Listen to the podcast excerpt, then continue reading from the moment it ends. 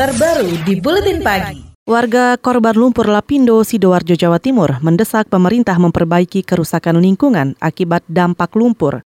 Pasalnya, meski 13 tahun berlalu, kondisi lingkungan terdampak masih belum pulih, seperti kualitas air dari semula bisa diminum dan saat ini tidak layak minum.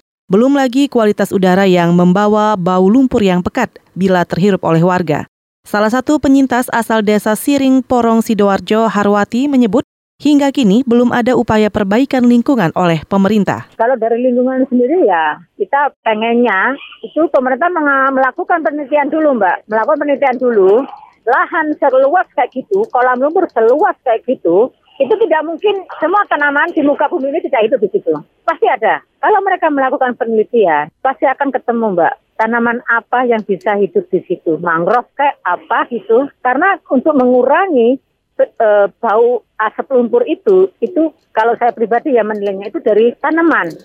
Warga penyintas lumpur Lapindo, Harwati juga berharap akan ada langkah serius dari pemerintah untuk memperbaiki kerusakan lingkungan yang merupakan dampak dari eksplorasi gas PT Lapindo. Selain itu, Harwati juga menuntut perusahaan eksplorasi minyak dan gas PT Lapindo berantas memperbaiki kerusakan akibat pengeboran yang ditimbulkannya. Peneliti dari Fakultas Matematika dan Ilmu Pengetahuan Alam FMIPA Universitas Brawijaya Malang, Barla, menyatakan kandungan gas hidrogen sulfida dari lumpur lapindo cukup berbahaya bila terbawa angin, termasuk kualitas air tanah di beberapa daerah wilayah timur lumpur lapindo yang berbau dan berbusa. Selain itu, kualitas udara dan air di sekitar wilayah semburan lumpur lapindo buruk kalau dilihat dari udara, kemarin kita pasang eco checker itu kan untuk memantau gas hidrogen sulfida menggunakan lempeng perak. Kalau dengan menggunakan itu, memang masih kelihatan tuh kandungan gas hidrogen sulfidanya itu masih tinggi. Kemudian kalau untuk kualitas air, sampai saat ini masih banyak tuh mas warga yang mengeluh, terutama untuk air sumurnya yang semakin hari semakin berbau ya, seperti ada busa, kemudian bau.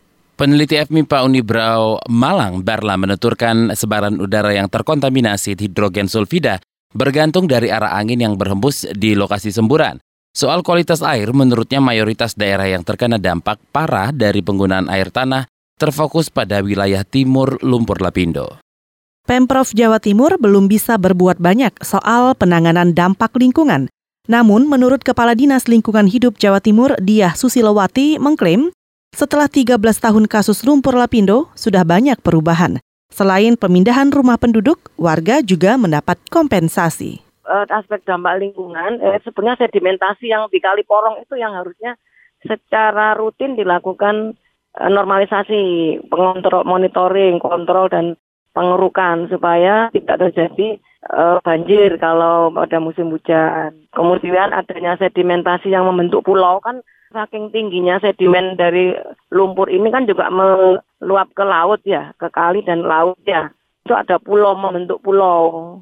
Kepala Dinas Lingkungan Hidup Jawa Timur, Diah Susilowati berharap pemerintah pusat membantu menangani sedimentasi lumpur lapindo di sungai dan laut. Ia menilai sedimentasi lumpur bisa bermanfaat bagi pesisir. Pemerintah provinsi tengah melakukan konservasi terhadap sedimentasi itu. Tujuannya agar mangrove tetap terjaga.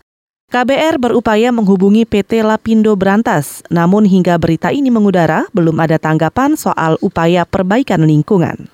Wahana Lingkungan Hidup Indonesia Walhi, Jawa Timur, Rere Kristianto menilai saat ini penanganan lumpur Lapindo jauh dari selesai, termasuk kondisi lingkungan dan kesehatan warga. Terutama kata dia kelompok perempuan yang paling merasakan dampak kerusakan lingkungan dari semburan lumpur lapindo ini. Karena itu ia juga mendesak pemerintah memperhatikan dampak kerusakan, lingkungan akibat semburan lumpur.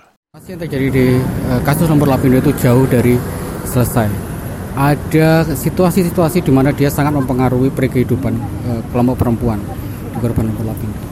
Kerusakan lingkungan itu salah satu uh, apa yang bisa merasakan paling dekat adalah kelompok perempuan air misalnya gitu ya perempuan itu setiap kali pagi sudah akan pegang air gitu ya e, untuk memasak, cuci, memandikan anak. Ya. Nah sementara situasi lingkungan di e, Semburan Lumpur Lapindo itu e, sudah cukup parah. Misalnya gitu. Hasil riset Direktur Walhi Jatim Rere Kristianto menambahkan hasil riset Walhi sejak 2016 menyebutkan Udara di sekitar lumpur Lapindo mengandung logam berat jauh di atas ambang batas yang ditentukan. Kondisi itu dikhawatirkan akan merusak organ tubuh manusia seperti paru-paru dan ginjal. Walhi juga meminta Pemprov Jawa Timur melakukan kajian melalui peta keselamatan dan ancaman terkait sebaran gas dari semburan lumpur Lapindo. Kemarin, tepat 13 tahun tragedi lumpur Lapindo di Sidoarjo, Jawa Timur. Peristiwa yang terjadi sejak 2006 itu menenggelamkan lahan dan rumah-rumah warga. KBR, inspiratif, terpercaya.